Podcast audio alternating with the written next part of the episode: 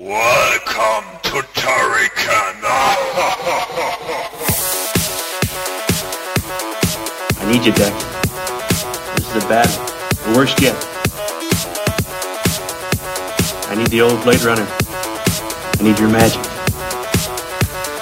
It's good when I come in here, Brian. Hallo, alle sammen, og velkommen til Lolbua episode 224 med meg, Lars Rikard Olsen, i uh, pilotsete. Vi flyr et eh, fly som ikke har hjul, eh, ingen fallskjermer, og vi er snart tom for bensin, så vi skal ned i jungelen et sted, tenker jeg. Ned i sånn rundt Sri Lanka eller noe sånt, og så må vi leve på det vi finner, og til slutt hverandre. Og med meg i flyet så har vi eh, som alltid nesten Mats Rindal Johansen. Hallo, hallo. hallo, takk. hallo. Hva, er det, hva er din ene ting du har med deg i flyet?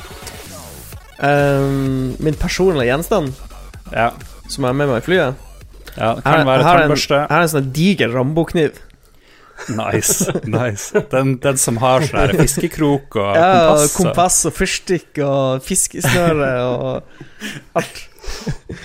Veldig bra. veldig bra Det kommer du til å komme langt med. Ståle, eh, hvilken vibrator har du med deg i flyet? Jeg går for en buttplug med massiv vibrasjon, type 220 volt, som jeg ikke får brukt i jungelen. Og så har jeg gjemt med meg en sånn derre device for å sende ut lydbølger, så jeg kan skremme dere ut av jungelen igjen. Åh, en classic. Ja, Jeg så eh, det, det er vel nyhetsbildet nå igjen. De mistenker vel at eh, de som har blitt syke på de her ambassadene rundt omkring i verden, at de har blitt eh, truffet av et sånt mikrobølgevåpen. Åh, nå skulle Magnus vært her. Ja, men det er gøy. Det er gøy. Um, da har vi en stor rambokniv. Uh, vi har en slags eh, buttplug med stor batterikapasitet.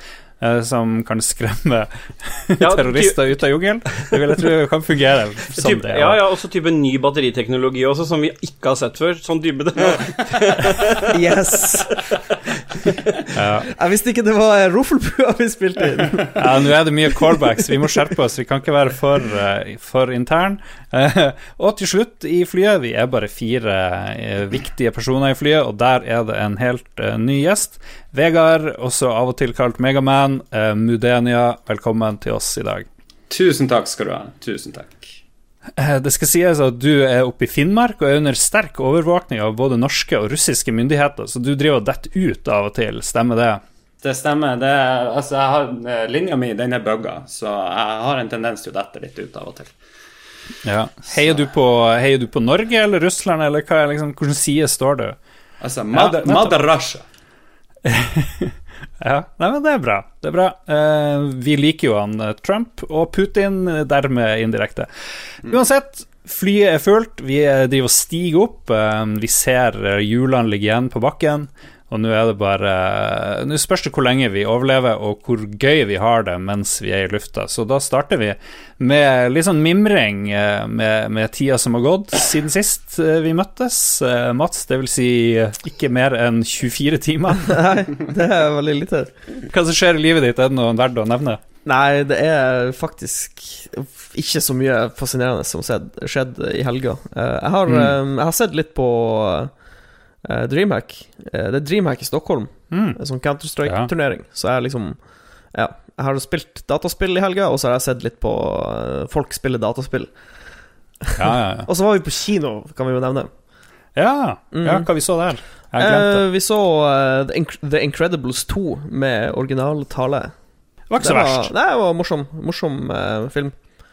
Kan anbefales hvis du er, liker animasjonsfilmer fra Pixar. Men ikke nok til at den kommer i anbefalingsspalten, altså. Den er ikke så Um, jo, for så eh, Jo, den kan anbefales, men jeg hadde lyst til å snakke om en annen ting. Ok, Mm. ok. ok eh, Greit. Og så så du en annen film eh, hos meg på lørdag. ja, det, finnes det gjorde vi. Vi så The Warrior and the Sorceress på Amazon ja. Prime Video. Det ja, der, ja. Ja. Og Prime Video, eh, Amazon Prime Video er en utømmelig kilde av drit. Eh, og ikke bare sånn litt drit, bare sånn superdrit. Det var 100 var mm, insane. Men jeg, det, det fins mye bedre enn den, så den Det er, sånn, um, det er en sånn film som prøver å cashe inn på den fantasy-bølgen som kom etter Konan-filmen med en Schwarzenegger. Ja. Så det, det kunne liksom- vært bra, Jo, for men- hadde han der David Carradine som hovedrolle. Han Ja. fra Kill Bill. Han Bill fra Kill Bill. Han spiller sånn bitter t- tidligere tempelrydderkis som har eh, Ja. Som har falt Falt i unåde. Men det er liksom alt rundt filmen er bare søppel. så det blir liksom bare Ja, men det er morsomt, da. Altså, Det er jo underholdning, på et vis. ja. Det var ei dame med fire pupper, det husker jeg godt. Det var ei dame med fire pupper. Det var veldig, egentlig veldig mye Åh. pupper i filmen. For det er en sånn eh, Ja. Det har vært Det er en sånn, sikkert en sånn italiensk producer med i bildet, så det er liksom veldig mye nakne damer. Ståle, hva du har gjort eh, siden sist? Du har spilt inn Roffelbua. Det var bare jeg som ikke var med, egentlig. Jeg var med indirekte der. Det var derfor Det var egentlig det, men jeg, det er liksom den beste eller det meste som har skjedd i mitt liv siden sist, egentlig, og det sier jo kanskje mer, men det har vært jobbing, og så har det vært Men det var fantastisk moro. Eh, Så for de som ikke har hørt det, så eh, er det verdt å få med seg. Og så er det verdt som en kuriositet å si at eh, Jeg vet ikke om vi brukte mer enn i underkant av to timer rundt der på å spille inn, men på den tiden så hadde jeg fortært åtte halvlitere. Så det, det er det som Jeg ble litt ivrig på den drikkinga på siden av der, sånn at det, det tok meg Jeg våkna opp med tidenes hodepine, for jeg gikk rett i seng etterpå, så det var litt sånn dårlig kombinasjon. Så hvis, du hører litt, hvis jeg høres litt annerledes ut på slutten, så er det nok derfor, vil jeg påstå. Men det, eh, det er som alltid veldig morsomt å spille inn. Det er en eh, fantastisk gjeng, selv om vi savna deg, Lars.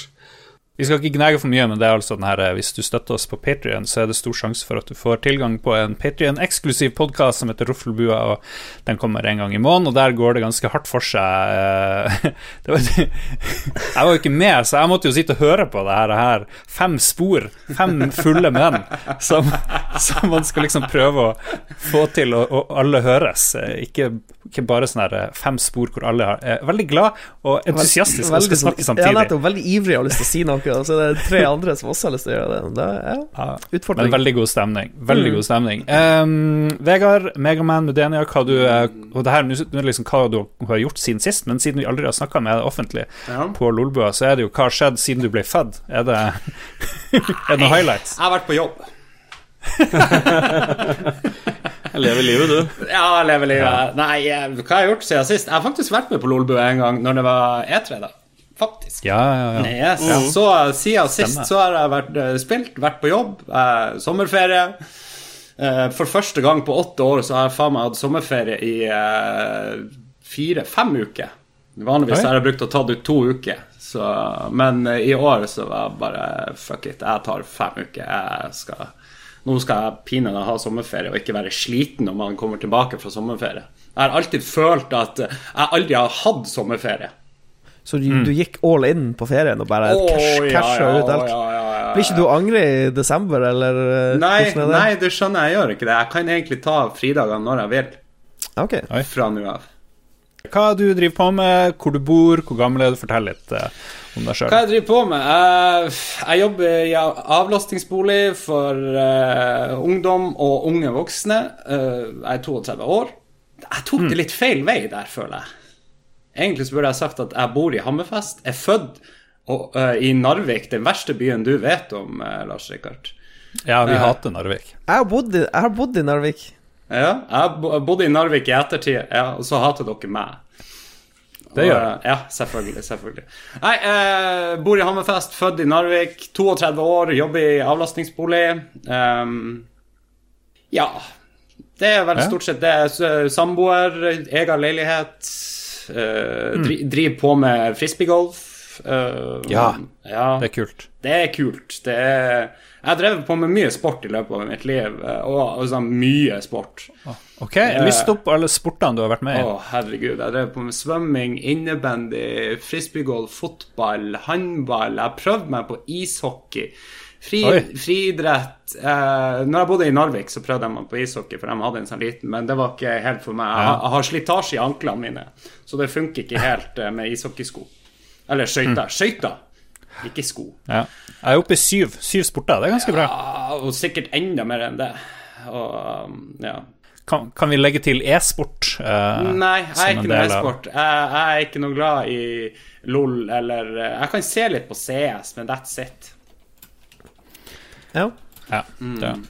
Så, Nei, men bra. eh, Vi skal, kanskje vi skal bare ta det med en gang, eller uh, grunnen til at du ble spontaninvitert her, i tillegg til at du er en hyggelig kar og driver med frisbeegolf og gjør sånne ting, så har du nettopp runda Hvor mange gjennomspillinger av Binding of Isaac er det du har klart nå uten å dø? 345. 345. Jeg klarte nummer, nummer 345 i morges når jeg kom hjem fra jobb. Er det liksom hvor, hva, er, hva er verdensrekorden? Ja, det er 900 og et eller annet. En som heter Lars Fest. Ja, ok. Er han er fra Norge? Nei, han er amerikansk. Jeg trodde også han var norsk, siden han Ja. men, men Lars er jo faktisk eh, et Lars. Ja, det blir jo Lars. Ja. jeg har ei venninne fra USA eh, som bor her i byen. Broren hennes heter Lars, men de, har, de er veldig norskætta, den familien, så jeg tror det Er er de fra Minnesota? De er fra Wisconsin! Wisconsin? Det var nært i nabolaget. Bare en snik snickers unna, Mm. som vi bruker å si. Men det jeg lurer på Jeg har bare spilt bitte litt Binding of Isaac, eh, og så har jeg sett han Lars spille det. Liksom, når du kan For det er jo snakk om et, bare et run hvor du starter og, kom, Ja. og runde spillet, på en måte. For det er jo en rogelike til de som ikke kjenner til sjangeren. Eh, men har du noe sånn herre eh, For jeg, jeg vet ikke, er det mye RNG? Er det mye tilfeldigheter? Det er jo bare RNG. Ja. Du har gjort 345 runs Mm. på rad uten å ha noen runs imellom hvor du dør, på en måte. Ja. Så har du noe sånn Er det teknikk, eller hva er det du gjør for å ikke ha et dårlig, et dårlig run, liksom? Uh, jeg er bare jævla god i det spillet. Nei, men det akkurat, altså, Du har spilt det så mye. Altså, ja, nå, ja, nå, altså, nå bryter jeg jo den norske janteloven, da. Altså, det, man skal jo ikke si at skal, skal jo ikke si at man er god i ting, men jeg er jævla god i det spillet, rett og slett. For, meg, for jeg tenker liksom bare Ok, hvis jeg skulle Hvis man skulle Nå, er det, nå går det egentlig ikke an å sammenligne det med Dead Cells, men de er jo Til en viss grad så kan du det. Det er jo RNG, det også. Ja, nettopp. Men det, jeg ser for meg det Altså, Lars, hadde du klart det, tror du? Hvis du hadde spilt veldig mye Dead Cells? Og liksom spille det 344 ganger uten å dø. Ja, Dead drepe sistebossen siste bossen 344 ganger på rad, liksom. Det må være vanskelig. Dead Cells er vanskeligere enn Isaac. Så enkelt. Det Ja, okay. kan jeg bare Ja. si. Det mm. Men det er veldig varierende vanskelighetsgrad, fordi jeg spilte og døde ganske fort. Og så klarte jeg plutselig å runde det på sånn nesten første forsøk en annen gang, sånn helt tilfeldig. Og så tenkte jeg det her er jo altfor lett, så prøvde jeg en gang til, og så var jeg ikke, hadde jeg ikke sjanse. det, det handler om uh, hvilke items du får. Faktisk, uh, første Første brettet, aller første brettet Hvis du får noe dårlig der, da sliter du. Du sånn som jeg spiller med stort sett bare med en karakter som heter Eden, som er den eneste random-karakteren i tillegg i spillet. Så der kan jeg Hvis, jeg, hvis jeg er kjempeuheldig, så kan jeg starte med ett hjerte, eh, to i damage og 20 i shotspeed. speed vanlig så Han Isaac eh, starter alltid med tre hjerter, 3,5 i damage og 10 i shot shotspeed. Jo lavere shotspeed du har, jo bedre Altså jo høyere DPS har du. Og det, det kan være helt forferdelig.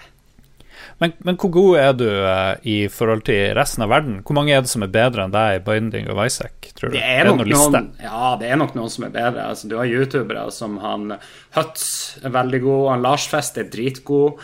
Han eh, Åh, hva han heter Ja, det er noen annen som også Han døde på sånn her run nummer 600 eller noe sånt. Uh, Cobalt Streak heter han. Han, han, er, han er dritgod, han også. Det Ja. Nei, hvor mange altså, mennesker i verden har klart 350 runder uten å dø? det vet jeg? Det, vet. det som er, Du må er dikte opp noe her, kom an. Eh, b- b- Vi kan si uh, topp innafor topp Topp 1 uh, Binding of Isaac.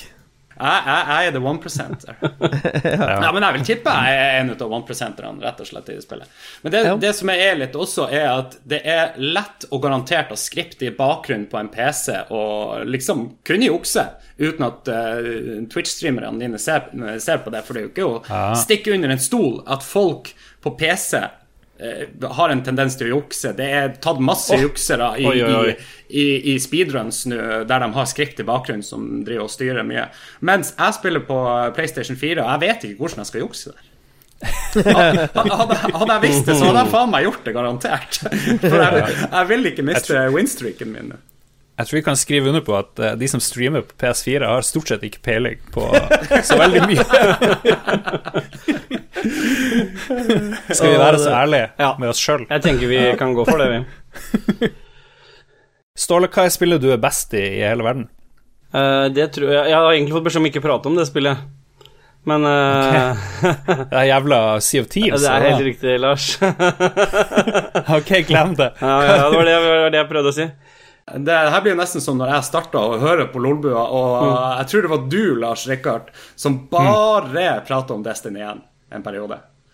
Ja, ja. Det Høres logisk ut. Jo, men man har jo Altså, man har jo I hvert fall jeg personlig bruker å ha et sånn go to-spill, som liksom er hjemmespillet mitt. Mm. Uh, og det, jeg tror det er ganske naturlig når man har dataspilling som hobby, at man har et go to-spill. I hvert fall Mm. Det kan jo selvfølgelig endre seg fra år til år, men du har liksom et, et hjemmespill, på en måte.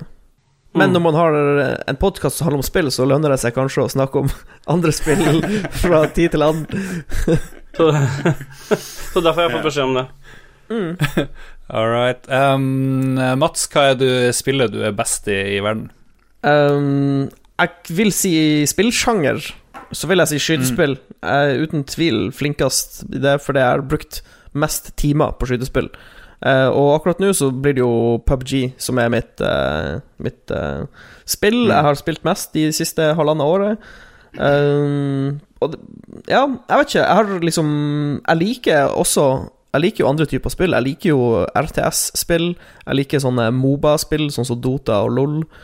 Eh, men jeg vet, jeg vet at jeg ikke er like god i dem som jeg er i skytespill, fordi jeg har spilt mest skytespill. Så eh, det blir liksom Ja, det blir det som er nat mitt naturlige. Det blir sånn en sirkel, på en måte. Men det er jo det er også de spillene jeg liker. Jeg liker å spille sånne sånn som eh, Arma og, og Daisy og PubG og sånne Battle Royale og survival-spill. Jeg, jeg, det syns jeg er morsomt. Så det er vel en korrelasjon der. Bra. Ja, har vi fått unna? Har vi f jeg tenkte jeg ble så imponert. Jeg så du kommer med sånne, sånne oppdateringer, Vegard, så jeg tenkte vi må få deg inn her. Men hvor lang tid tar ett et, en runde i Binding of Isaac? Det raskeste jeg har klart Binding of Isaac på, er 12 minutter. Uh, men det tar gjennomsnittlig 40 minutter, ca. Halvtime til 40 minutter å klare hele spillet. Ja, for jeg går ut fra hvis du liksom Hvis du får litt sånn shaky start, så må du vel roe litt ned, så du ikke er springer inn og er. dauer. Ja, ja, det er akkurat det som er. Jeg må ta det. Jeg tar nesten uansett hvordan eh, bilde, bilde jeg har i spillet, og hvilke items jeg får, så tar jeg det litt rolig. For jeg merker det hvis jeg begynner bare ah, Nei, nå har jeg så bra start så, så driver jeg og gjør dumme ting og mister hjertet av idiotiske ting. For du har bare tolv hjerter. Du kan få maksimalt. Eh, Og um, ja. Så jeg tar det stort sett rolig. Du har, jeg driver og regner ut fort her, jeg er dårlig i matte, men det kan se ut som du har spilt ti dager i strekk uten å dø hvis du skulle ha spilt eh, sånn eh, hele tida og aldri slutta. Nei, men imponerende. Eh, Vi skal høre mer om hva du eh, spiller og har spilt. Eh, men nå er det på tide med en bitte liten eh, pause før vi skal snakke om hva vi har spilt i det siste, bortsett fra Binding of Isaac.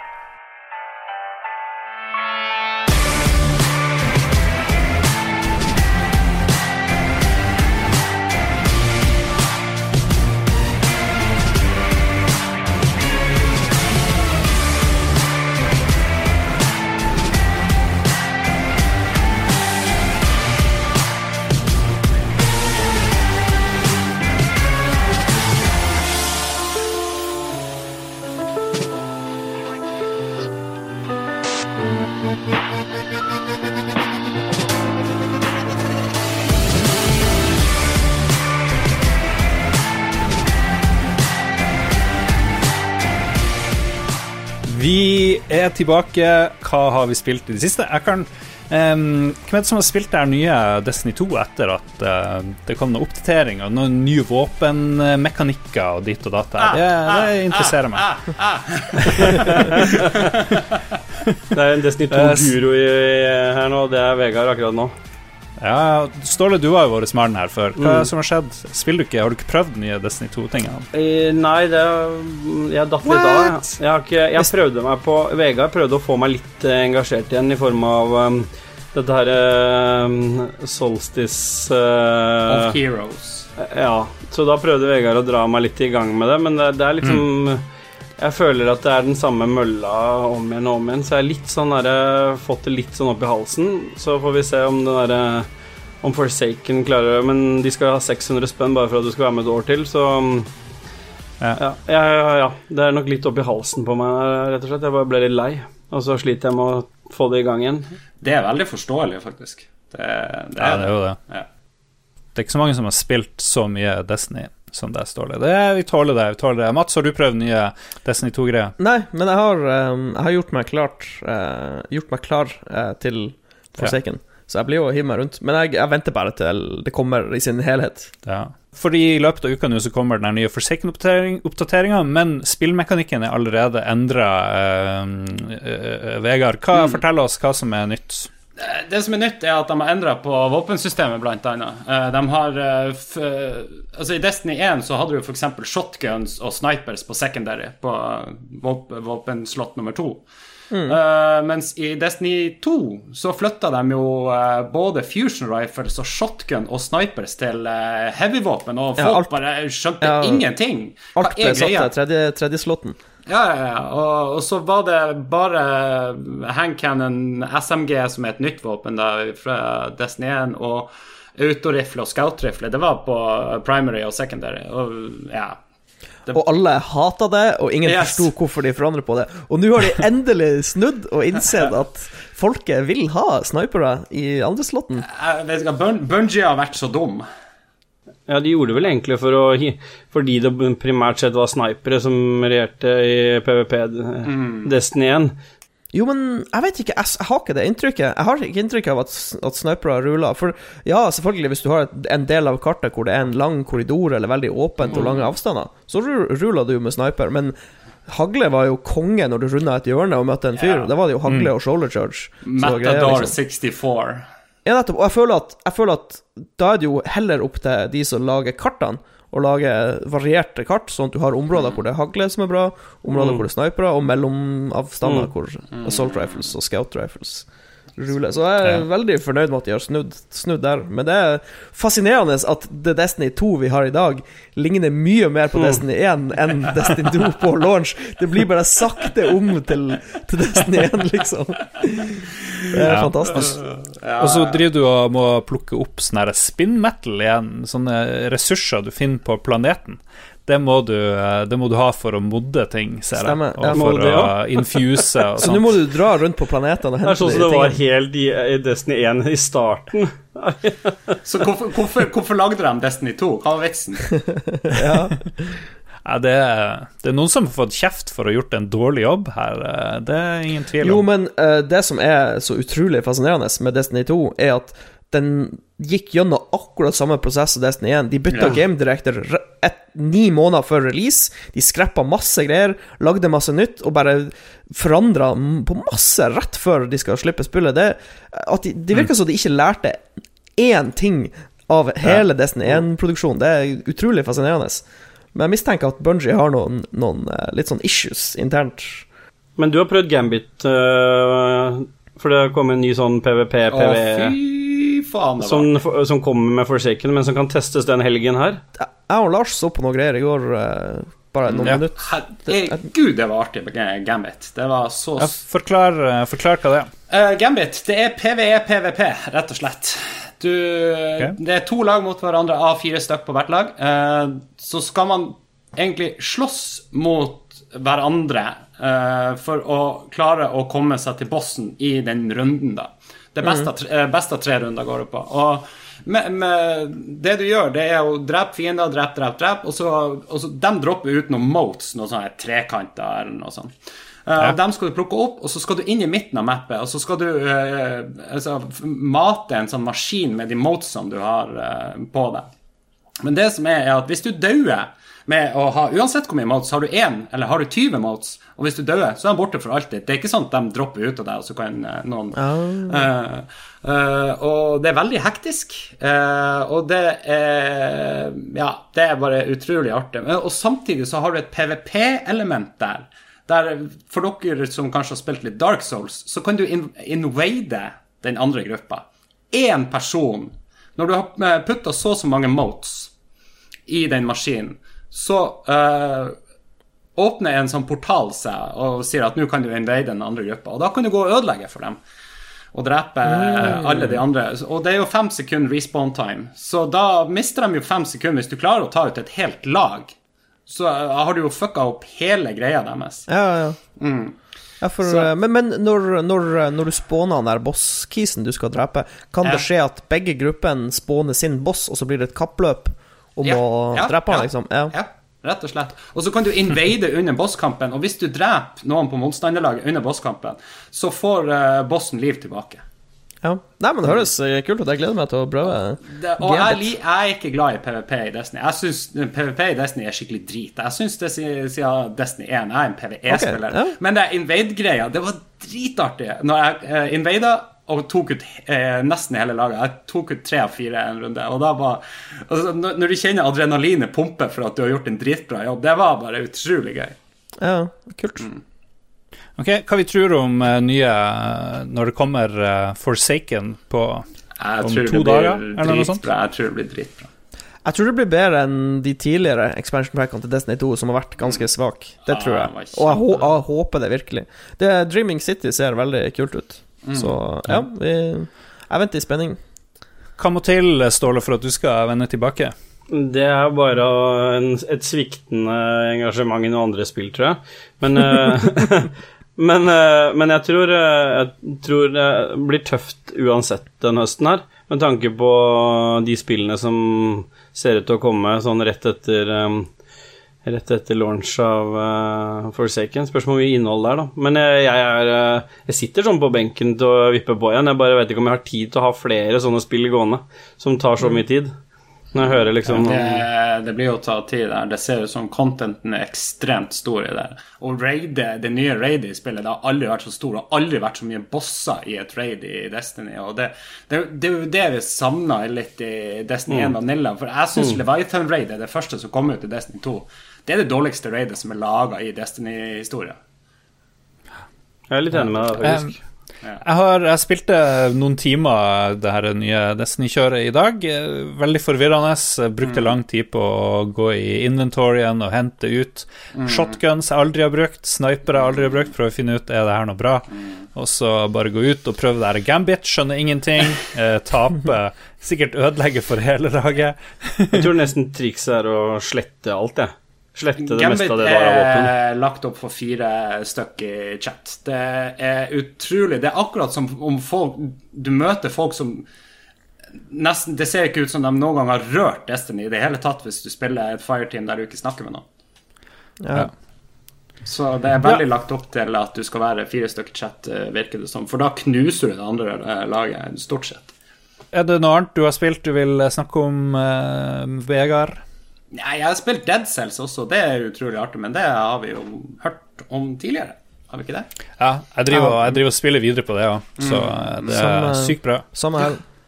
Hvis du, eh, hvis du ikke har prøvd Dead Cells, så burde du absolutt sjekke det ut. Jeg har ennå ikke klart eh, boss, eh, siste boss. Jeg har kommet meg til siste brett. Men det, altså, Ja. det, altså, det er jo så unforgiving, det spillet. Det, jeg har aldri vært borti et så unforgiving spill. Plutselig så bare Så blir du Ja, det, det er noen fiender som kan ta så mye liv, på en måte. At plutselig så har du mista 90% av livet ditt Ja, bare på ett feilsteg, liksom. Ja, golemer som bare drar deg fra ei side av skjermen til den andre sida, og du skjønner ikke hvorfor, og så bare Så er du død. Ja. Hvordan, hvordan spillestil har du, eh, Vegard? Er du en som går med felle, eller Tak går du Tactic og traps. Tactic og traps. Ja, traps er veldig behagelig. Det er, det er noe behagelig med å hoppe, hoppe ned et nivå, slippe ut to feller, hoppe opp Yes, igjen og bare og se på. Yes. fienden som smelter. Ja, det er det. Det er veldig gøy. Jeg, driver, jeg begynte å ikke ha sverd i det hele tatt. Det er heller en kastekniv og en bue eller noen sånne ting. Jeg skjønner Ja, ikke også- greia med skjold, egentlig. Jeg, jeg, jeg har Nei, aldri skjold, brukt skjold. skjold forstår jeg heller ikke. Jeg tror skjold er for de som er helt absurd gode Mm. på sånn repost, repost eh, mechanics. Det er den eneste grunnen til at jeg kan si at skjold er, bra. Ja. Ja. Da har vi kommet til Ståle. Hallo, Ståle. Hallo, hallo, hallo, det er meg. Jeg har eh, dratt fram eh, et litt eldre spill igjen. Ikke det du ikke vil at jeg skal prate om, men eh, et annet spill som ble, har blitt lansert på GamePass den helgen som er nå, den 1. september. Så Jeg tror jeg har sånn her jævla GamePass. Jeg glemte å avbestille det. du ble lurt inn til å spille of Thieves én gang og flyr drita full rundt, og etter det har du hatt GamePass. det var helt nydelig. Men eh, jeg har dratt frem Halo Master Chief Collection, fordi den har de eh, Oi.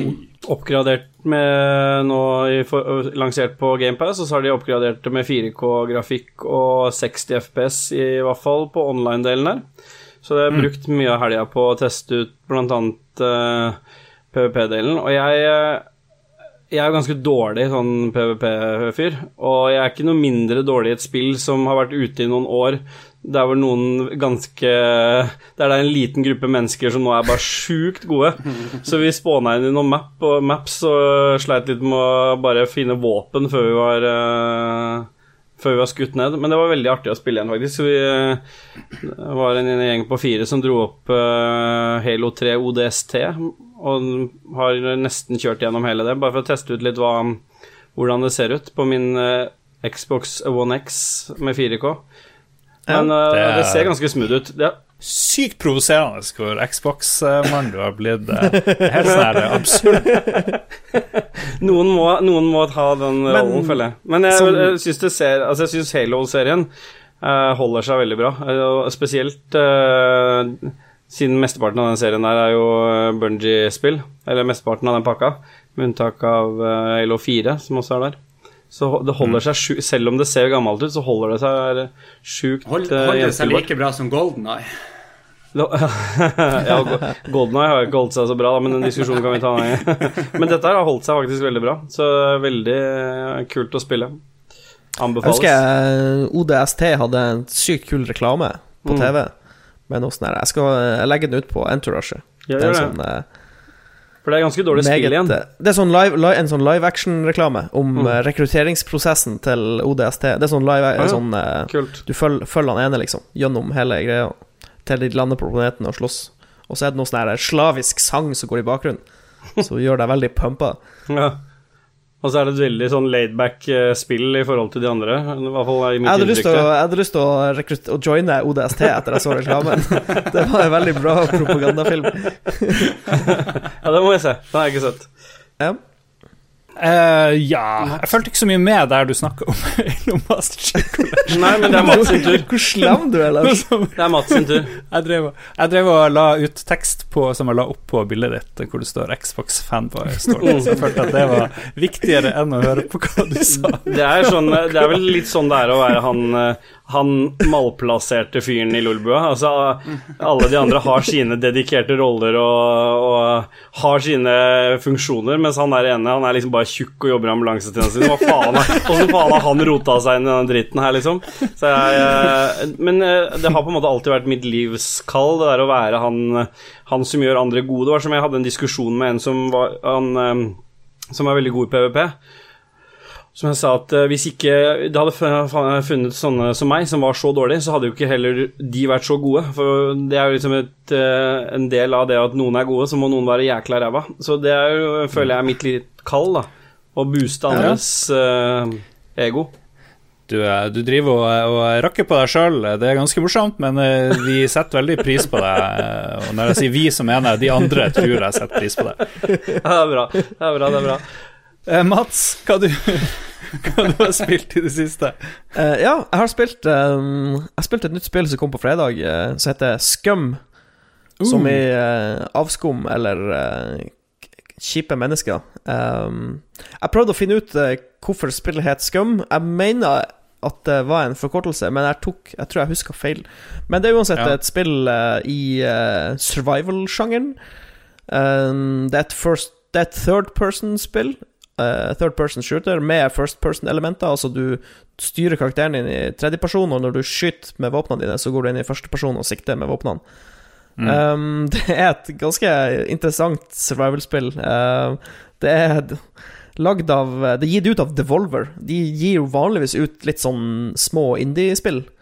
Uh, det er jo ikke akkurat uh, Og dette er, dette er jo det største spillet de har sluppet. Det solgte uh, ganske Jeg husker uh, Det var sånn 200 000-300 000 kopier, tror jeg, i, i løpet av de første, første dagene. Um, Det er um, Jeg vet ikke, jeg har lyst til å sammenligne det med um, et spill som heter Daisy. Det blir sånn naturlig, naturlig sammenligning, for det er det sånn eh, Det har sånn milsim-elementer. Eh, Det vil si at det fokuserer veldig på eh, sånn realistiske våpen. Skytevåpen, kamuflasjeklær og store ryggsekker. Og så er det utrolig fokus på overlevelseselementet, med at du trenger Du trenger kalorier, du trenger vitaminer. Du trenger Altså, hele ernæringsaspektet av spillet er det mest detaljerte jeg har sett i Ja, fortell. Det Det høres jo helt sykt ja, altså, ut. eh. når du åpner Når du åpner informasjonen på karakteren din, så ser du, du ser, For det første så ser du all sånn her biometrics. Det må jo du digge, Ståle, som er sånn ambulansesjåfør. Ja, jeg, så, jeg så på streamen deres, og jeg ble, jeg ble nesten litt sånn uh, erigert av det, for det, det var Ja, helt sjukt mye sånn ja, du, du har liksom Du har puls og blodtrykk og temperatur. Indre temperatur, ytre temperatur. Uh, du, har, du har antall tenner. Du kan se om du har Ja. 32 av 32 tenner, om du har mista noen. Og altså. så på den, eh, på den andre sida av skjermen så har du sånn ernæringsinformasjon. Så for å overleve så trenger du mat, du trenger føde, men du kan ikke bare spise eh, litt eh, kjøttboller så du finner inn eh, på hermetikk. Du, du trenger alle vitaminene. Du trenger proteiner, du trenger karbohydrater, du trenger sukker, du trenger sodium. Du trenger Altså, det, du trenger, de har, altså det er alt, liksom. Alt menneskekroppen trenger, har de lagt inn i spillet. Og så må du liksom holde det ved like, på en måte. For så hvis du ikke spiser proteiner, så får du protein deficiency og noen minuser som følger med det, da. Så det er, det er imponerende eh, nivå, for å si det sånn. Det- Hvis du liker sånn, da. Det tar jo micromanaging til et helt nytt nivå. Ja, nettopp. Eh, for tidligere så har det jo bare vært at du må trenge mat og vann, kanskje. For eksempel i DayZ. Um, så hvis du liker survival-spill, så er jo dette eh, midt i. Eh, og det som er hele Det som vanligvis Det høres jo egentlig kjedelig ut å bare springe rundt og lute mat og spise mat, men eh, det er jo kombinert med at det er andre spillere på serveren. Du har du har PVP alltid på, så hvis du møter en annen spiller, så kan han skyte deg i ansiktet. Du har ikke noe garanti for at han er vennlig eller fiendtlig. Eh, og så er det um, sånne zombier, selvfølgelig, som kalles eh, puppets. Eh, for det er noe sånn her det, um, det er veldig lite av handlinga i spillet som, er, som blir forklart rett til deg, men alle spillerne når du lager karakteren din, så er du en fange. Du har på deg en fangedrakt, og så har du en sånn chip i bakhodet, og hele kartet er mura inne av en sånn kjempestor betongvegg som er liksom 60 meter høy. Og så flyr det rundt sånne små droner med kamera og filmer det av og til, så det er åpenbart at det er noe slags Hunger Games-greier på gang med fangene. Eh, og så er det områder med mye sånn Det som kalles high yield loot, altså det er mye bra stuff der, eh, i sånne bunkerser, og de er beskytta av sånne her, eh, Ed 209-aktige roboter som går rundt og passer på, som kalles sentries. Sånn eh, med to føtter, som bare plaffer deg ned hvis du kommer for nært. Ja. Du hadde et uheldig møte med de, eller? eh? Ja, jeg har blitt skutt litt av de, ja. Eh, For det er sånn ehm, Det er sånn risk versus reward-greie hele tida. For du, når du starter, så har du ingenting. Så da er det egentlig Det er det som er litt dumt med de bunkerne, er at når du spawner inn eh, og har null, så som sagt, du har ingenting å tape, da. Så da er det egentlig bare å springe til nærmeste bunker, eller finne noe Det, det har ikke så mye for seg å gå rundt og lute sånn hus, da. Men når du kommer i gang, når du begynner å få litt ting, så har jo du brukt Du har brukt litt Du har investert litt tid i å få de her tingene. Så det, og det er det som er for meg det fascinerende med survival-spill, og grunnen til at jeg spiller det, er at jo lenger du spiller, jo mer ting får du, jo mindre har du lyst til å dø. Så Derfor blir det mer spennende hvis du møter en annen spiller, eller hvis du havner i en farlig situasjon, så stiger jo pulsen rett til værs, for du har ikke lyst til å miste alle de dyrebare tingene dine. så det er sånn Ja, det er sånn morsom, eh, morsom game mechanic. Vri. Men jeg så på Jeg så jo på deg og Dag Thomas og et par, par til, tror jeg det var, Mm. eh, her om dagen spillet. Og da ble jeg, ble jeg så intrigued, så jeg ble sittende og googla litt. Og jeg ser det ligger jo Ja. masse I motsetning til f.eks. Daisy, så lå det masse law der, blant annet med med at det er et reality-show, så det er de dronene du Ok, snakker ja. om. Og, de fa- og så er det noen fame points oppe i hjørnet. Stemmer det. Og det, du er, sånn, eh, det er basert på hva, hvordan du gjør det, for det er liksom de som ser på realityshowet, hvordan de stemmer deg fram, da. Så hvis Ah, du gjør det veldig bra, så øker det, og så vil det kunne være ting du kan bruke til å bytte til deg ting og få oppnå Ja, for akkurat nå um, som, Dette er jo Early Access, selvfølgelig, som alle survival-spill ever sluppet på PC. Men uh, det, er, det er ikke så verst uh, Det er ikke så verst uh, tilstand. Altså, det, det, ting fungerer. Men uh, du har en Du har, som du sier, du har en sånn fame-attribute. en, du har en score som heter Mm. fame, og den går opp Nå har ikke jeg spilt så mye, da, men jeg har sett at den går opp bare hvis du ja, Alt liksom du går gjør, går og den opp på, men mm. Nettopp, hvis du skyter andre spillere, så går den i hvert fall opp. Mm. Da får du direkte famepoeng. Og jeg mistenker at hvis du skyter en spiller som har høy famescore, så får du mer famepoeng. For jeg, har drepte to personer hittil. Mm. Uh, den ene var bare en sånn tilfeldig eh, fyr som ble veldig sint på tysk når jeg skjøt han. Uh, og han, han fikk jeg ikke så mye Men det var så bra, fordi jeg og en annen kamerat heter Espen vi, Nei, Magnus. Vi um, var inne i en av de her militærbunkersene og luta og hadde fått ganske bra utstyr. Og så hører vi bare en av de her sentriene deres, robotene, utfor. Når du, hvis de ser deg, så sier du først sånn her uh, This area is restricted prisoner, eller sånn, at du må liksom komme deg bort. For de gir deg en advarsel før de begynner å skyte. Og så hørte vi det utafor. Det betyr at det er en spiller på vei. Så stilte vi oss bare opp med døra. Eh, For det er sånne skikkelig sånne fallout-dører, sånne blast doors, som åpnes ganske tregt. Så sto, sto vi bare med inngangen, eller på innsida av bunkeren da, og venta. Og når de åpna seg, så bare åpna vi ild og bare plaffa han rett ned. Så så vi jo da at han hadde ikke så mye. Han hadde, han hadde på seg den oransje jumpsuiten. Så du har når du spåner, og så hadde han en sånn der eh, liten sånn kniv i handa. da. Så han, utgjorde, han var jo ikke noe særlig trussel. Vi kunne jo sikkert bare bedt han snu og gå, men Det var hans velkomstkomité. klikka. Men det jeg la merke til, var at når jeg skjøt han, så fikk jeg ikke så mye fame.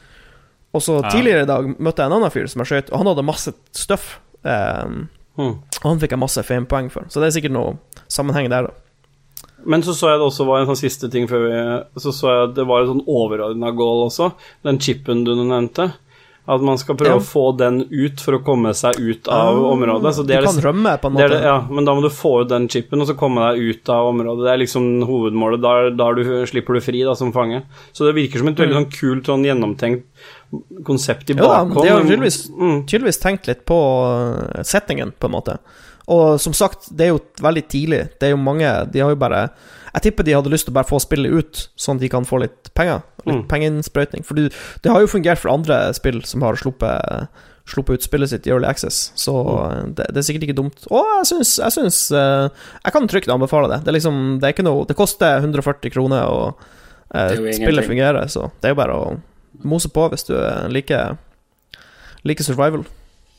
Men hvor bra blir det når det kommer på konsoll, sånn som PubG på Xbox? Oh, ja, det er Problemet er Det blir er sikkert råbra, vel- tenker jeg. Ja, nei Jeg vet Nei, jeg tror, jeg tror ikke det. Jeg ser De er så krevende. De er så, de er så sinnssykt krevende, de her Ja. spillene. med- For uh, Vi kan jo nevne at kartet er 12 ganger 12 km, så det er jo dobbelt, over dobbelt så stort som det største kartet i PubG. Og så er det Det er i CryEngine. CryEngine er ikke den mest smidige spillmotoren.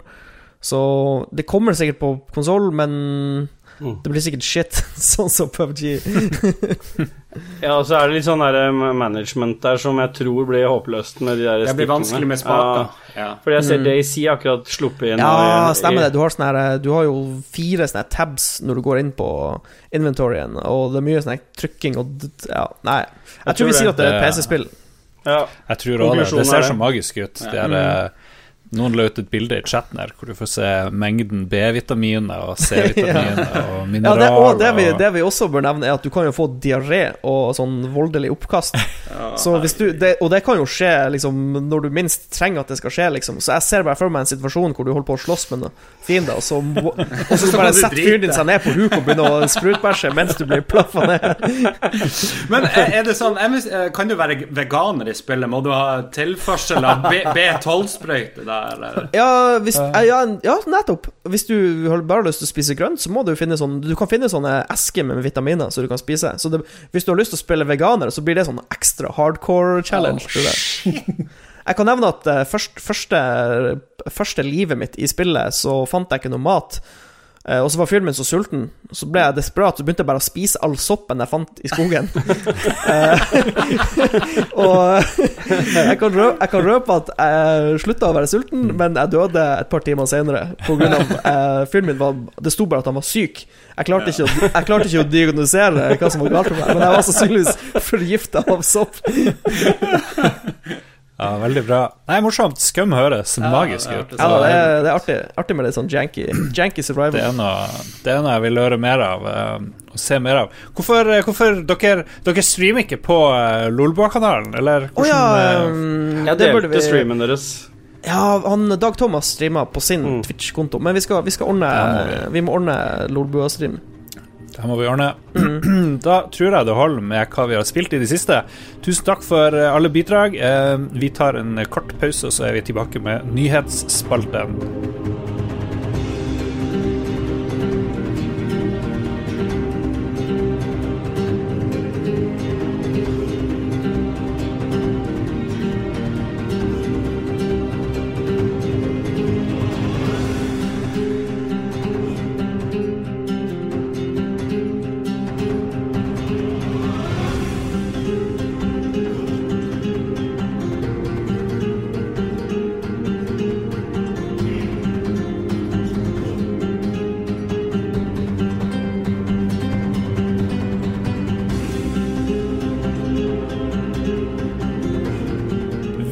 Er klar for nyhetsspalten, folkens. Og nå blir det veldig spennende, for vi har tre nyheter, men vi har to nyhetsopplesere. Så nå blir det først en eh, skarp debatt. Eh, Mats, du er jo den originale nyhetsoppleseren Jo, men- etter Magnus. Jo, men vi, vi snakka om det her før vi gikk live. Det er Alt høres mer offisielt og korrekt ut på bokmål. Så Ja, det gjør det. Jeg, tror, Ja, det gjør det. jeg tror hvis vi har en person tilgjengelig som ikke har hardcore nordnorsk dialekt, så burde den personen lese opp nyhetene. For da Ja. høres det mer offisielt ut. Det høres ut som faktiske nyheter, og ikke noe vi bare dikter opp. Ja, men det er jo Hjemme. noe vi dikter opp. Jo, men Ja. hysj. Ah, ja, ok. Ok, Ståle, du er herved eh, Du har fått jeg bare blir plutselig eh, først kjeft, og så eh, fikk jeg en liten klapp på skulderen. Veldig bra. Dette er sånn Jo, men det er derfor du kommer tilbake, Ståle. For Ja, det er ja, sånn, vi er litt sånn ros og veldig mye litt sånn ris. Og, Det er, ti nega nei, altså det er ni negative og så én positiv, og så er det liksom det som løfter deg opp mm, det er det som alt, kalles uh, negging. ja. Ja. Ja. Mm. Uh, vi er klar for nyhetsspalten, folkens. Uh, som vanlig, vår faste nyhetsleser Ståle. Vær så god, første nyhet. Boom. Kina ønsker å senke antallet nye dataspill. Eh, mener de er med på å gjøre barn nærsynte.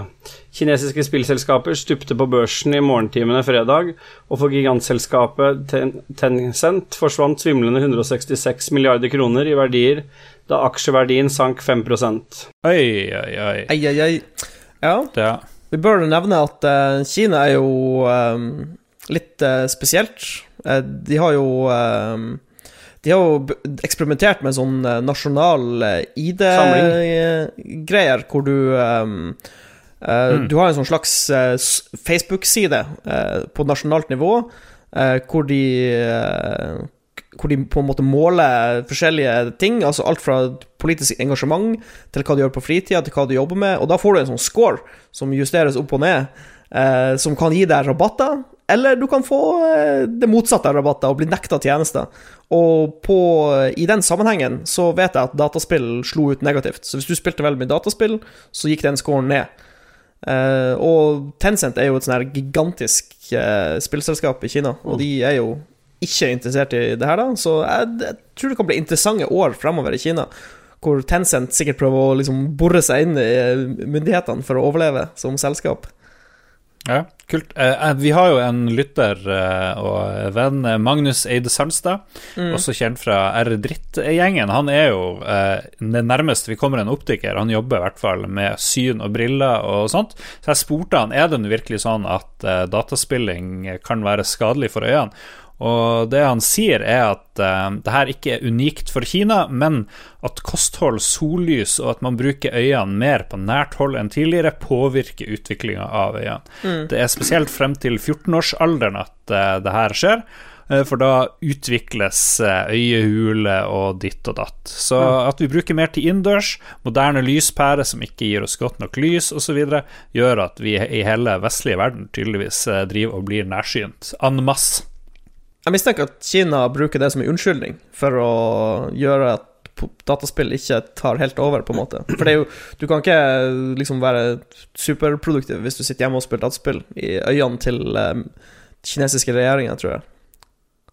De vil heller at du skal hacke, så, men det vil jo gå litt på tvers uh, av ting her. Um, men uh, oppe i Finnmark, hvordan, der er det jo i hvert fall ikke sollys. Uh, har de mye dårligere syn der enn andre steder i landet, tenker du, Vegard? Vegard har eh, kjempeproblemer med lyden. eh. Jeg så vi mista Bare- videostrømmen også. Å, shit. Vi kjører på med nyheter, kanskje? Ja. Ja. Neste nyhet, Neste Ståle. nyhet er CD Project Red bruker nynorsk i gameplay-demoer av Cyberpunk 2077. Et sted kan du lese 'Du blir løyst fra banda som binder deg'. Nå er jeg på høy nett her, altså. Barn på nettet Ja. går fra seg, fra seg av sinne. Ja, Har dere ikke sett reaksjonene der? Jeg henta denne saken fra Pressfire, og folk ikke... i harnisk. Er de Hvorfor er de med harnisk? Fordi nynorsk har lurt seg inn der òg, sikkert. Jeg vet ikke. Ikke bare i opplæringa. Du kan ikke lese det. Altså, det er, det er jo en person som roper det i bakgrunnen. Eh, jeg så hele gameplay-videoen, og det er en sånn eh, eh, gjengmedlem i i det siste missionet de gjør i Mm. demoen, så, så roper det i bakgrunnen. Men det står jo med sånn undertekst, Ok. Eh, men det, er, det er vel fra en sånn Vardruna-sang, tror jeg. Ja. Så jeg tror bare Ja. at en i en i CDPR liker Vardruna, og så Mm. bare lagt inn en liten referanse. Jeg tror det er veldig harmløst, og jeg forstår ikke hvorfor noen blir sint over det. Hva er det her Vardruna for noe? Det er et eh, sånn eh, folk vi, Sånn eh, Et band, et musikk, musikkband som lager folkemusikk. Sånn type vikingaktig tema. Ja. Men ja, reaksjonene. Det er på Pressfire, det her, da. Ja. Eh, nynorsk burde bli pisket, er det noen som sier? Litt sånn vanskelig å se ja, for meg hvordan nynorsk og, du, og du tenker på kommentarfeltet? Mm. Ja, ja. Det er der folk er i. Harnisk. harnisk. Jeg liker det ordet, forresten. Ja. det høres ut som et veldig bra Det er veldig bra ord. Du er tilbake Vi får bare late som at Yes, ingenting har skjedd. Nei, tilbake. Um, Vi vi, vi går videre til neste nyhet. Knuse på videre. Ja. Triple A Production. GameStop-ansatte er- hevder Skal jeg prøve igjen? Ja. Ja. GameStop-ansatte hevder at en ny Red Dead Redemption-demo holdt på å få dem til å sovne. En 20 minutter lang gameplay-demo vist til GameStop-ansatte har ikke skapt reaksjonene utviklerne håpet på. Beautiful game, but mostly just so horse riding simulator. Very difficult to stay awake. Oi, Oi, De gjorde jo åpenbart feilen at de eh, visste dem eh, games, ge- klippet på slutten av arbeidsdagen. Mm. Rookie ja, mistake. Ja, det er rookie Men mistake. mistake. det å, det å ri litt rolig rundt i en eh, vakker verden høres jo, eh, høres jo ganske flokkende ut, Mm. egentlig, Ja. spør du meg. Men, men sikkert kjedelig hvis du blir tvunget som ansatt å sitte og se på 20 minutter med det. Hvis du må sitte og se på det, ikke få spille det selv, så, så er jo det en forskjell òg. Nettopp. Nettopp. Det er, noe helt annet å, å ri rundt i Red Dead når du sitter hjemme i stua di og ser på en video av noen som gjør det. Det eneste, det eneste negative med den uh, hesteridninga i Red Dead Redemption og Red Dead Redemption 2 er at det ødelegger hesteridning i alle andre spill, for det er så sykt bra. Det, det føles som du faktisk har et levende dyr som du styrer rundt. Med en gang du spiller som Witcher og Skyrim og sånn, så er det sånn Herregud, så jævlig dårlig den hesten her er. Det er sånn her, Du vet at det bare liksom ikke kan måle seg. Jeg viste det til datteren min på, på fire år, og hun kan jo ikke nå spille My Little Pony igjen. Tror du ikke man kan kjøpe horse armor? Det er det jeg er klar for, egentlig. Jeg tipper du kan, jeg tipper du kan kjøpe sånne saddlebags som har sånn mer og Mm. mer kapasitet. Så til slutt så kan du ha sånne her eh, ti våpen og ti bjør, døde bjørner oppi saddlebagsen, for de er så store. All right. Det får holde med nyhetsspalten, som var et rent helvete. Jeg tror det var fordi du Igjen så føler jeg at det er litt sånn der eh, min feil, hvis du skjønner hva jeg mener. Du akkurat endra til meg, så ble det sånn. Vi tar en uh, kjapp pause, og så er vi tilbake med anbefalingen. Ja.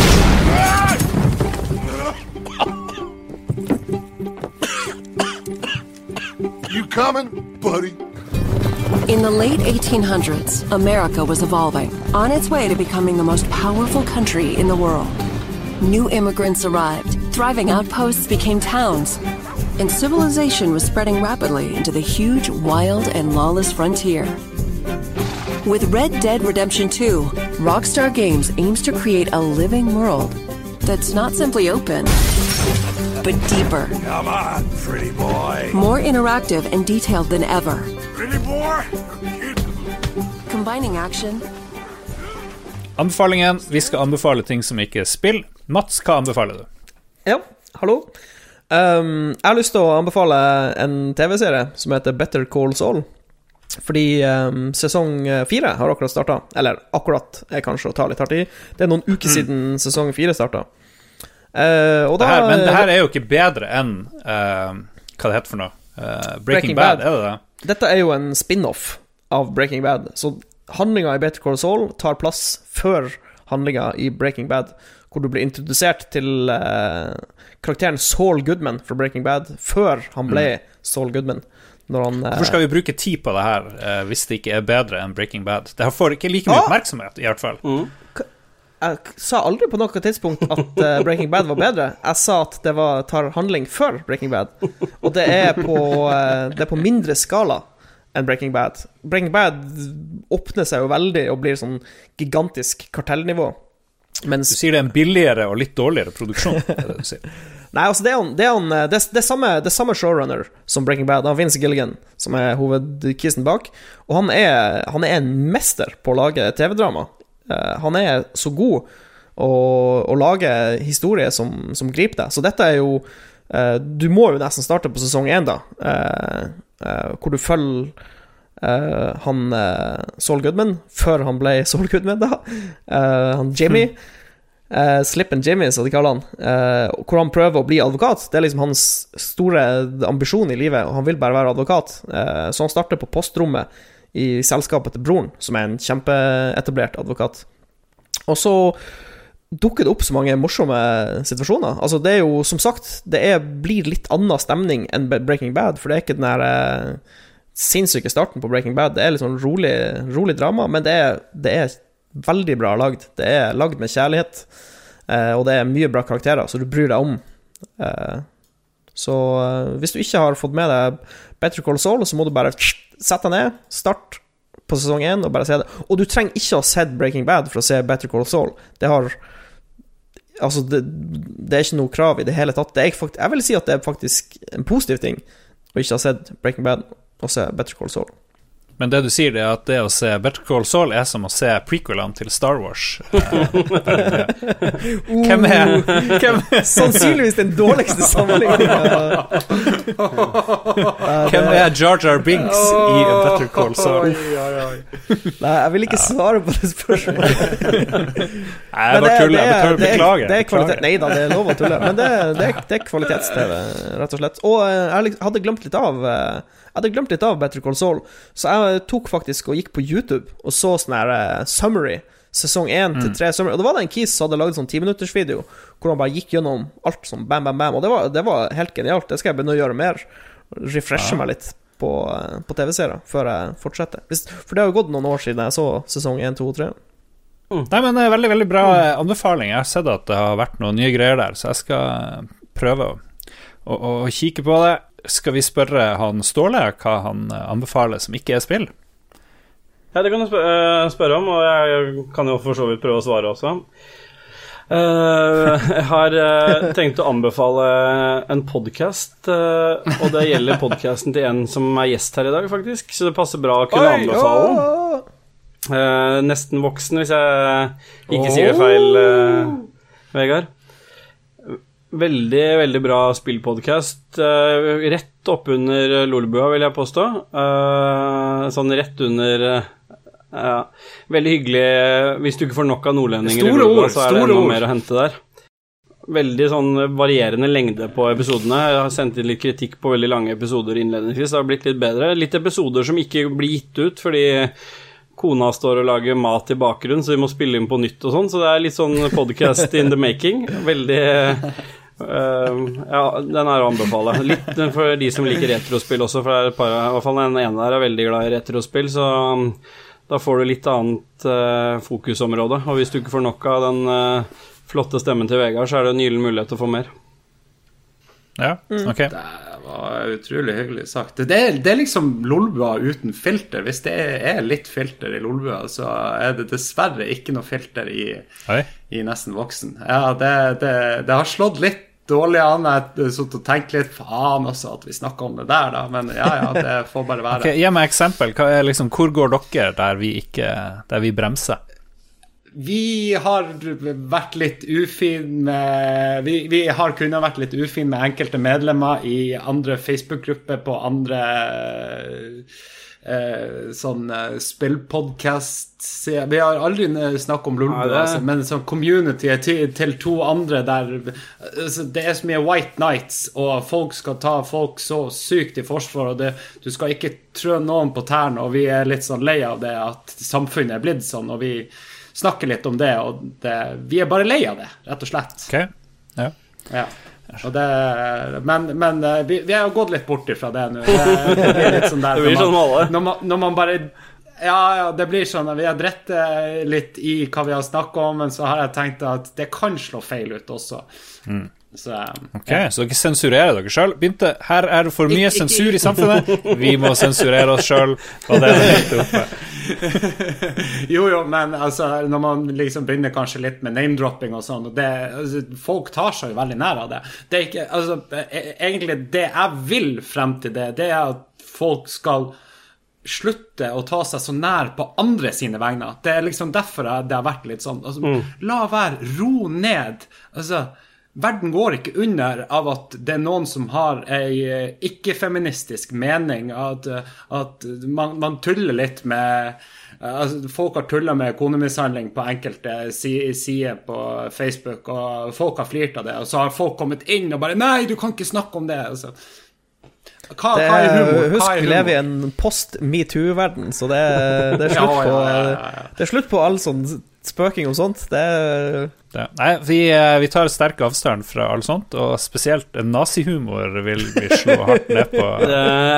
Nazihumor takler vi dårlig. Ja.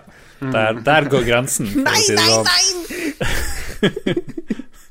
Ok, da har Ståle anbefalt eh, Vegard sin podkast Nesten voksen, veldig hyggelig. Mats har anbefalt Better Call hyggelig. Og eh, da kan vi spørre uh, Vegard, hva du, eh, hva du anbefaler? Slutt i jobben din. Enkelt og greit. Uh, nei, det, det har seg sånn at jeg hadde jobba i åtte år på samme arbeidsplass og var dritlei. Jeg jobba i butikk i Jeg i butikk i ti år, men samme butikk i åtte år. Og når det kom til stykket der kunder ikke gjorde noe galt, men de irriterte vettet av meg. Uansett hva det var snakk om. Og det var liksom hvis eh, folk kom og spurte Du, hvor er det? Så er det sånn Åh, når du handler her i seks år hver jævla dag, hvordan klarer du ikke å lære deg hvor ting er? Og liksom sånn at det, det er jo ikke noe galt i det, men altså, jeg irriterte meg så grenseløst over det. Mm. og det, det gikk over til at jeg ble litt deprimert på jobben og alt mulig, så jeg bare fuck it. Når vi hadde varetelling, så satte jeg meg ned på kontoret, så skrev jeg oppsigelse. Og nå har jeg endelig begynt å jobbe med noe jeg vil jobbe med. I, Ok. eh, sånn avlastningsbolig. Ja, nettopp. Ja, gratulerer med det. Nei, så min anbefaling er slutt i jobben din istedenfor å bli sur Uh, av at du er dritlei av å Ja, jobbe. vi, burde- vi burde kanskje si Ja, at vi- de skal ikke slutte i jobben hvis de ikke, hvis de ikke liker jobben sin. Ja, ja, selvfølgelig. selvfølgelig Alle bare tar altså slutt i jobben deres. Vi har så, vi har så, godt, ja, vi har så godt samfunn uansett. Alle får jo får jo betalt allikevel. Vi har jo ukesoppdrag av og til eh, som Jon Cato finner på, men eh, skal vi ta og slutte jobben? Fordi det oppgaven til neste, neste uke. Og Alle da skal det komme inn noe mer Patrion. Jeg har, en, har en, har en livsstil, Lars, som krever et visst eh, sum penger som kommer inn i Du, eh, Lars, får jeg Ja. lov å komme med en liten anbefaling til? Oi, ja, siden du er gjest og, og, og sånn, du får litt slack. Vær så god. Takk skal du ha. Eh, jeg vil faktisk også anbefale en podcast. podkast Oi. Det er min. som het Ja, det er Ståle alene. det er det den heter. Nei, eh, det er en podkast med han eh, Magnus Eide Sandstad i Eredritta. Han eh, og to kompiser lager en podkast som heter Kanakast, med K begge plassene. Ok. Og det er så ufattelig artig å høre på. De har så god flyt i samtalene sine, og man flirer, og liksom det, det er bare utrolig. Og de prater ikke om spill, nesten, det er lite grann, men de sitter og diskuterer alt mellom himmel og jord, og småting, Ja. og, og ja, det er bare en utrolig artig podkast. Det er kanskje den artigste podkasten jeg har hørt på fra Norge.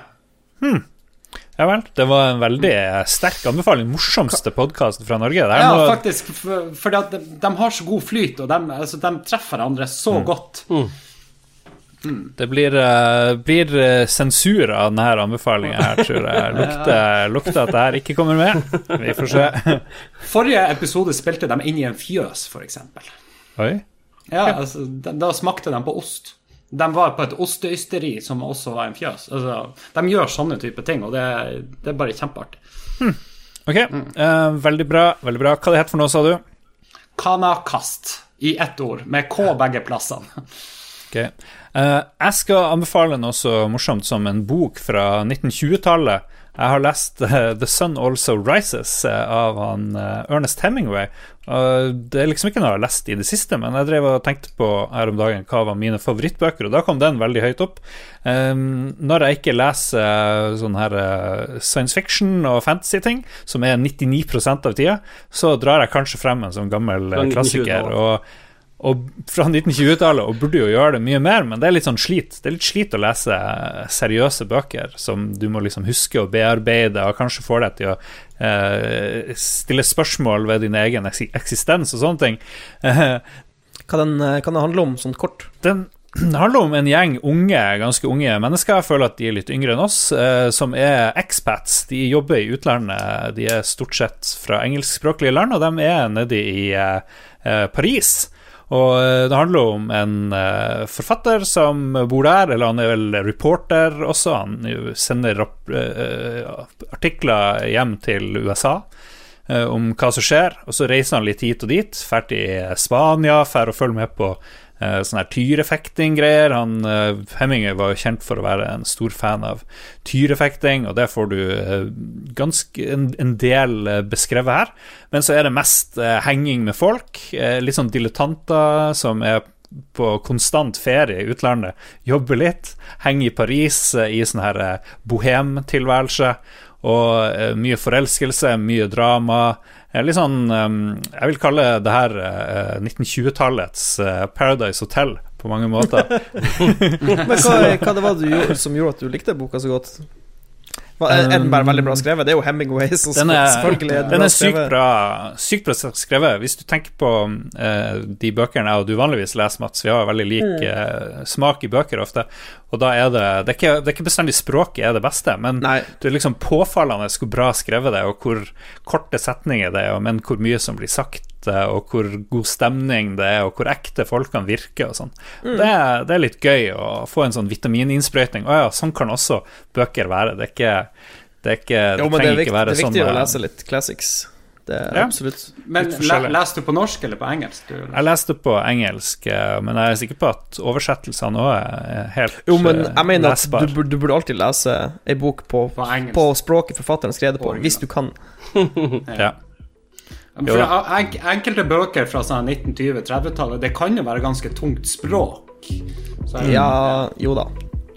Jeg vil si at eh, Hemingway er veldig, veldig tilgjengelig, altså. Det er Jeg tror ikke jeg skal si så mye mer enn det. Kom ut i 1926. Han skrev den på sånn to måneder. Les litt Hemingway. Ja, les litt Hemingway. Um, For Whom The Bell Tolls er jo en uh, Det er liksom de to som er mine Hemingway-bøker. Jeg har ikke lest absolutt alt, så det, det bør jeg gjøre. Men uh, som sagt, veldig lett å havne i den her eh, sci-fi, fancy uh, Ja, det er ja, ja, Greia. jeg vet. Vi tar en kort pause, og så skal vi ha innspill fra lytterne.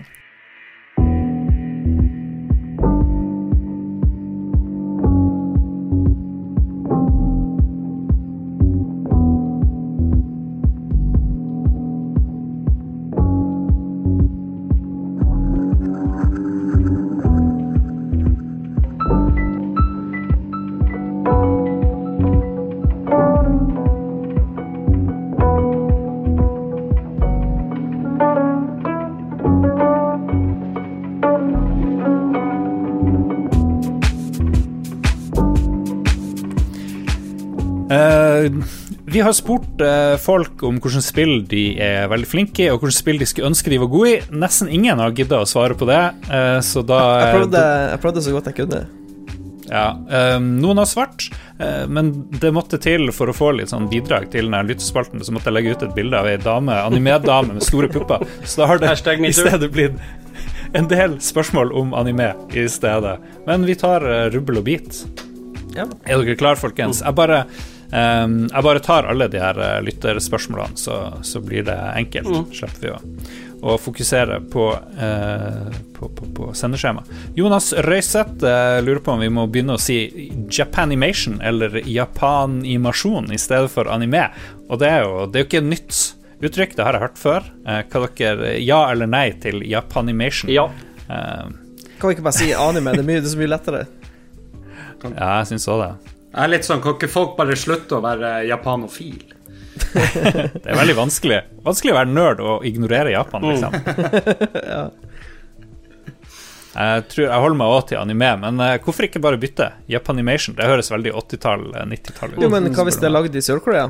ja, da er det Og eh, mer og mer blir sikkert lagd i Sør-Korea Ja. og Nord-Korea og Kina og sånne ting etter hvert. Ja, Kina.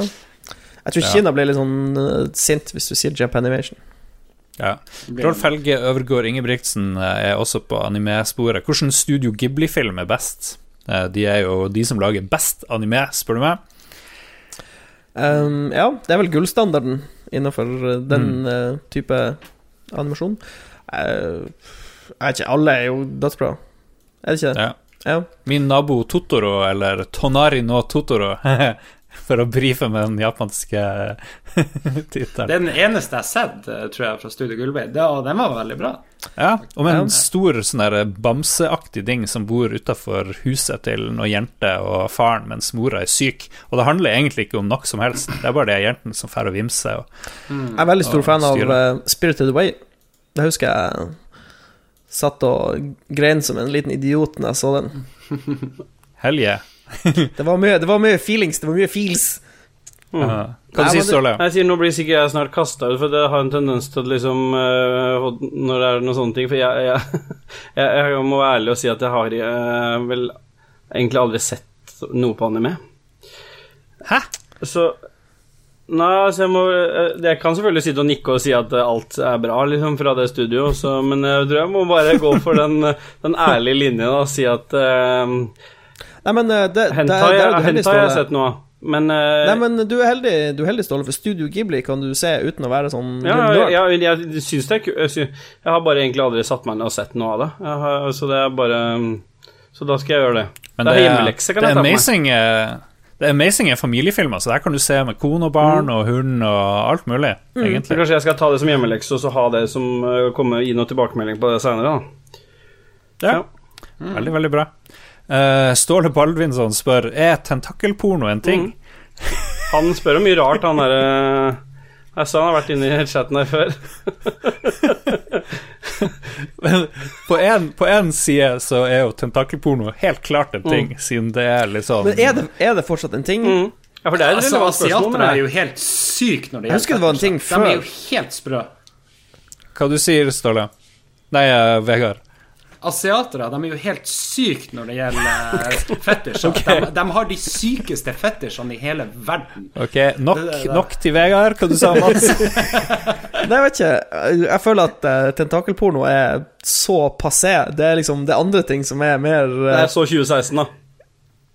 Nei, tentakelporno er jo 1998. Og er Nå, har, nå er vi i 2018. Ja, jeg henger litt Det- Men husker jeg husker hvis vi, hvis vi var ute etter å kjøpe noe eh, anime, så var utvalget veldig lite back in the days. Du fikk sånn her urutsuki Doji 1, 2 og 3, og plutselig Og så, så bare sneik det seg inn litt tentakkelporno, og plutselig masse nakne damer og litt sånne tentakler som kryper hit og dit. Og, um, men jeg vet ikke om det er like stort i dag, liksom, som det var før. Jeg følte at det var mer før, Ja. men det er definitivt en ting fremdeles, det tror jeg. Okay. Ja, det er garantert. Jeg tror det lages nye ny Tror du det lages nye 2018 Tror du høsten 2018 inne med, innebærer et par Ja, nye ja. Men det er jo en legitim uh, fetisj. Nummer én, det er bare tegnefilmting eller tegner. så det er jo det er, ikke vel, skader jo ingen. vel, det er vel strengt tatt en av de eldste fetisjene òg. Er det ikke noe sånn maleri som er 150 år gammel, hvor det er noe sånn Eller mer enn 150 år gammel, i, fra Japan, liksom. Hvor det er sånn fiske... Fiskerela fiskerelatert uh, greie. Fiskerelatert. Ja, det er noen sånn blekksprut-tentakler som er oppi, Ah. oppi ei sånn dame. Og det er liksom flere hundre år gammelt maleri. Syns vi skal sette pris på japansk kultur, og ikke sånn som Vegard bare dømmer og kaller hele Japan for sånn perverst reir. Det De er jo pervers. Har du, har du noen gang sett Itchy the Killer eller, eller eh, Tokyo Gore Police? Det var ikke min idé å invitere han, altså.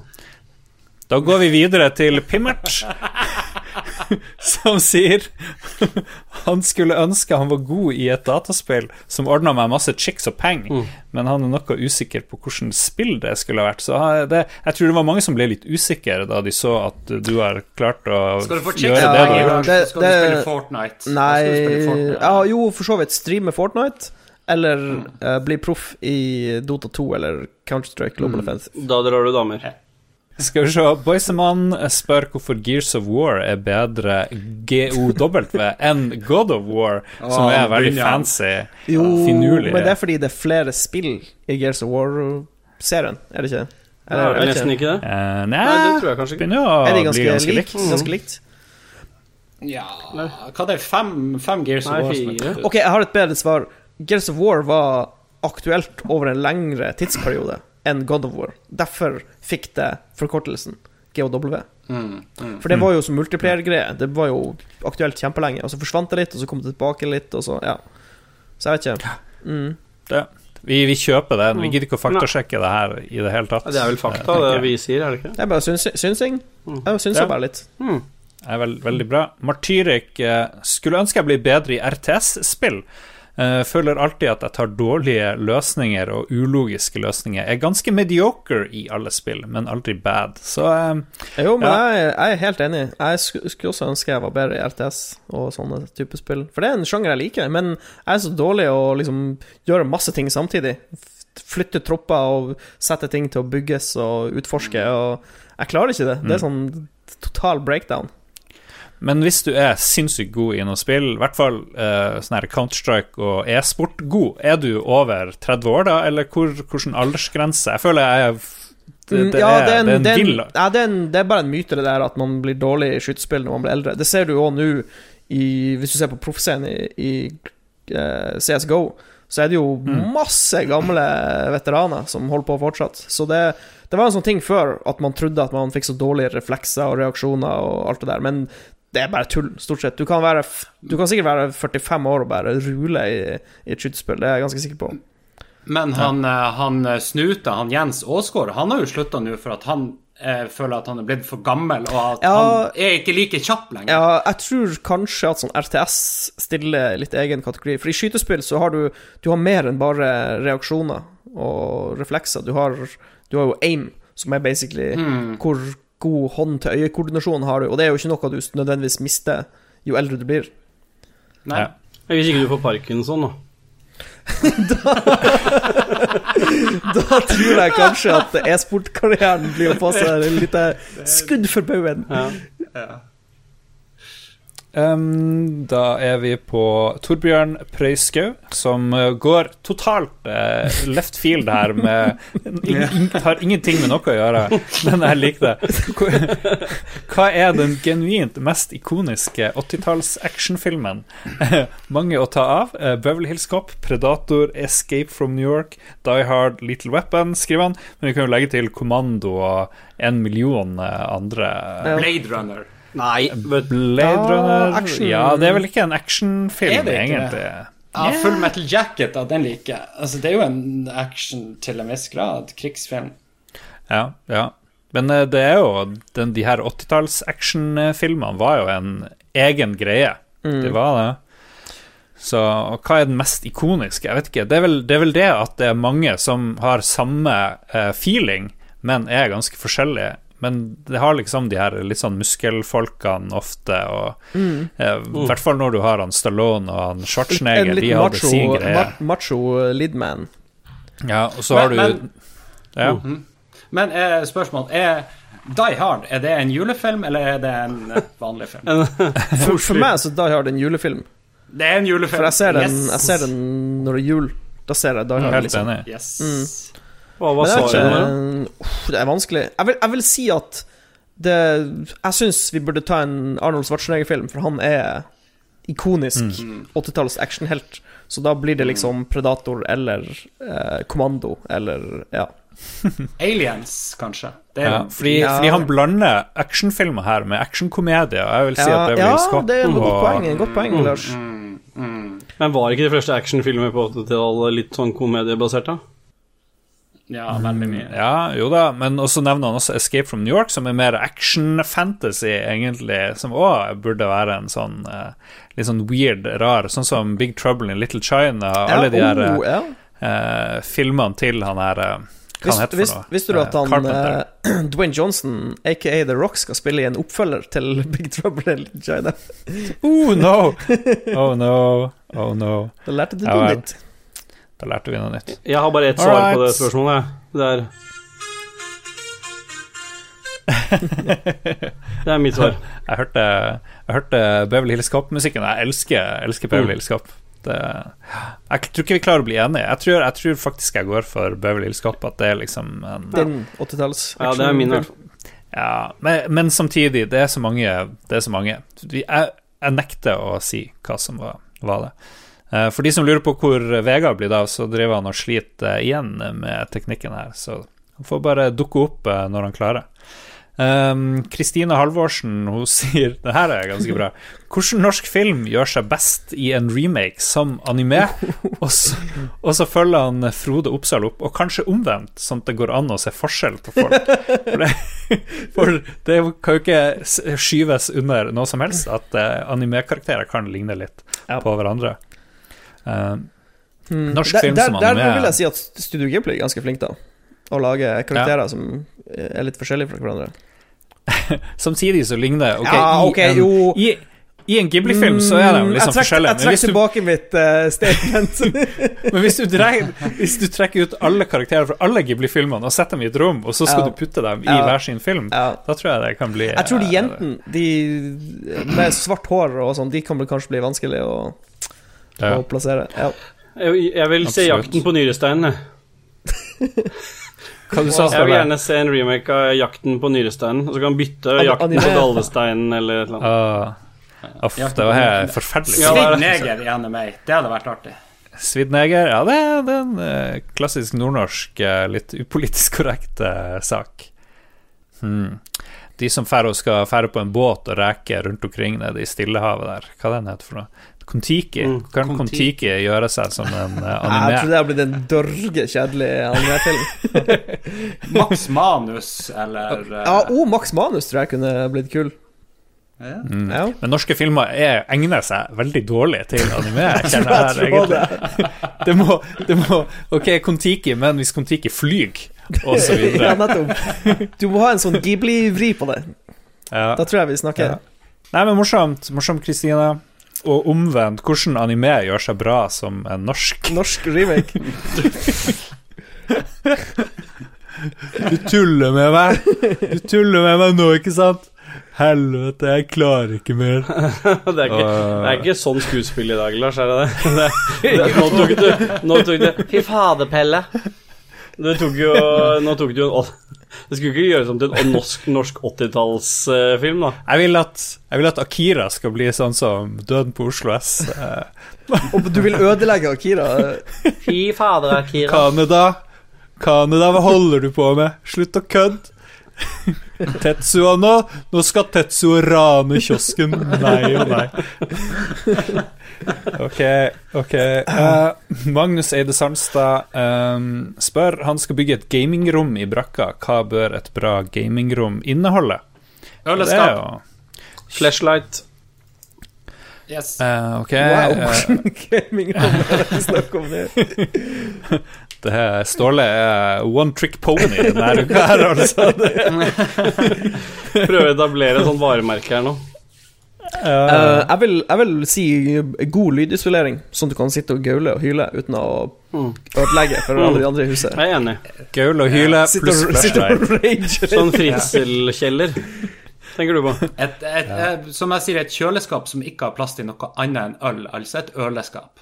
Ja. Jo, nei, det er et godt uh, forslag. Men Mats, du, du rage-roper litt av og til når du spiller, Ja, så lydisolering er viktig. Nettopp. ja Men jeg må si at Ja. det er enk bare enkelte spill som trekker fram uh, min indre demon.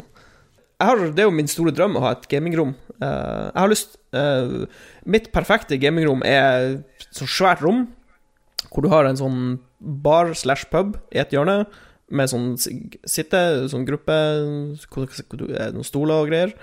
Eh, og så har du et eh, bord som er dedikert til brettspill, et ganske sånn stort eh, eh, bord, hvor du kan ha plass til til og med det største brettspillet. Og så har du en annen krok som er dedikert til sånn konsoller og TV og kinoaktige greier.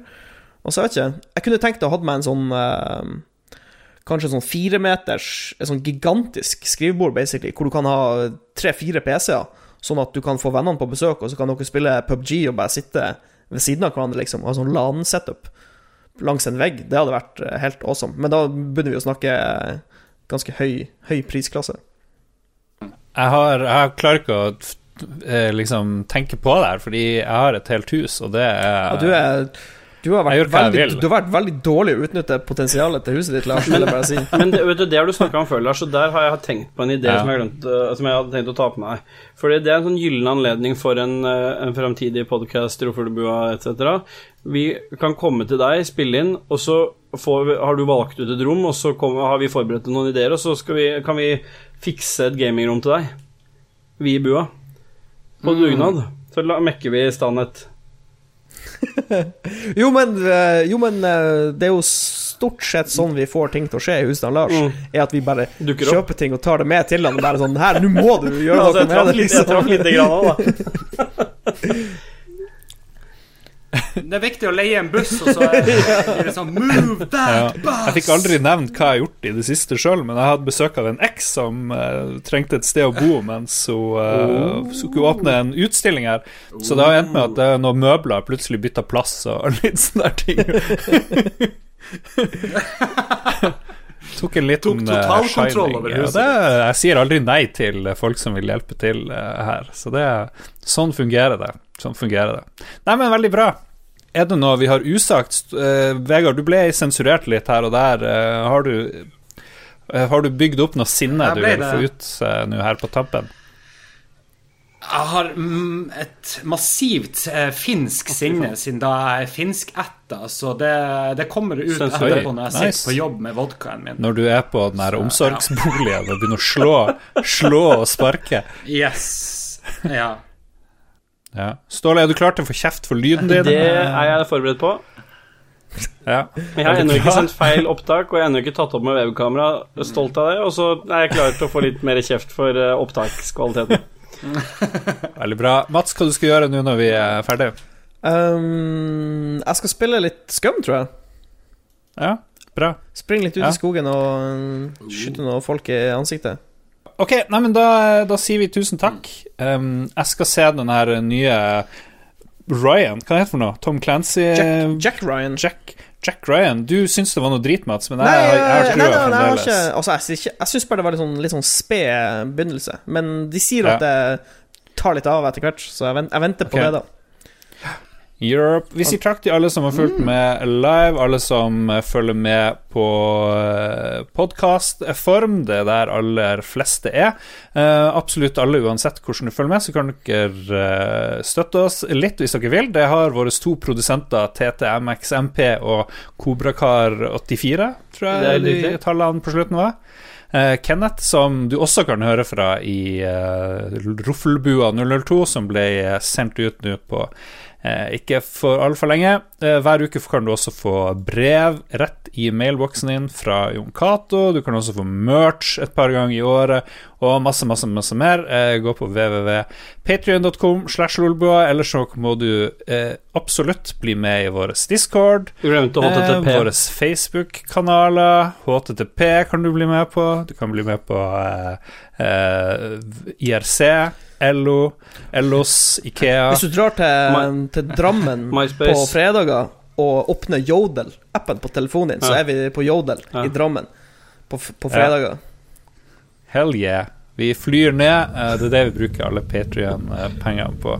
Eh, det har vi ikke sagt til deg, Ståle, Nei, nei, nei. men kom til Kom til Kom Drammen til på Drammen. fredager. Åpne, åpne Jodel ca. Klokka, klok mellom klokka fem og åtte på kvelden. Ja. Sånn går dagene. Takk for oss. Takk for alt. Vi høres igjen om en ukes tid. Ha det bra. Ha det bra. Ha det bra.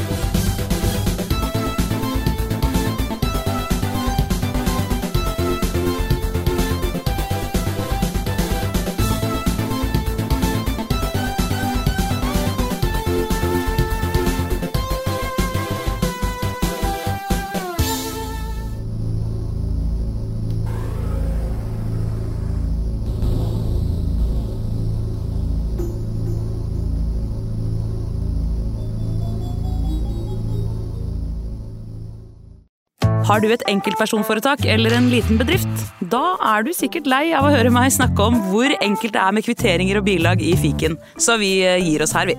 Fordi vi liker enkelt. Fiken superenkelt regnskap.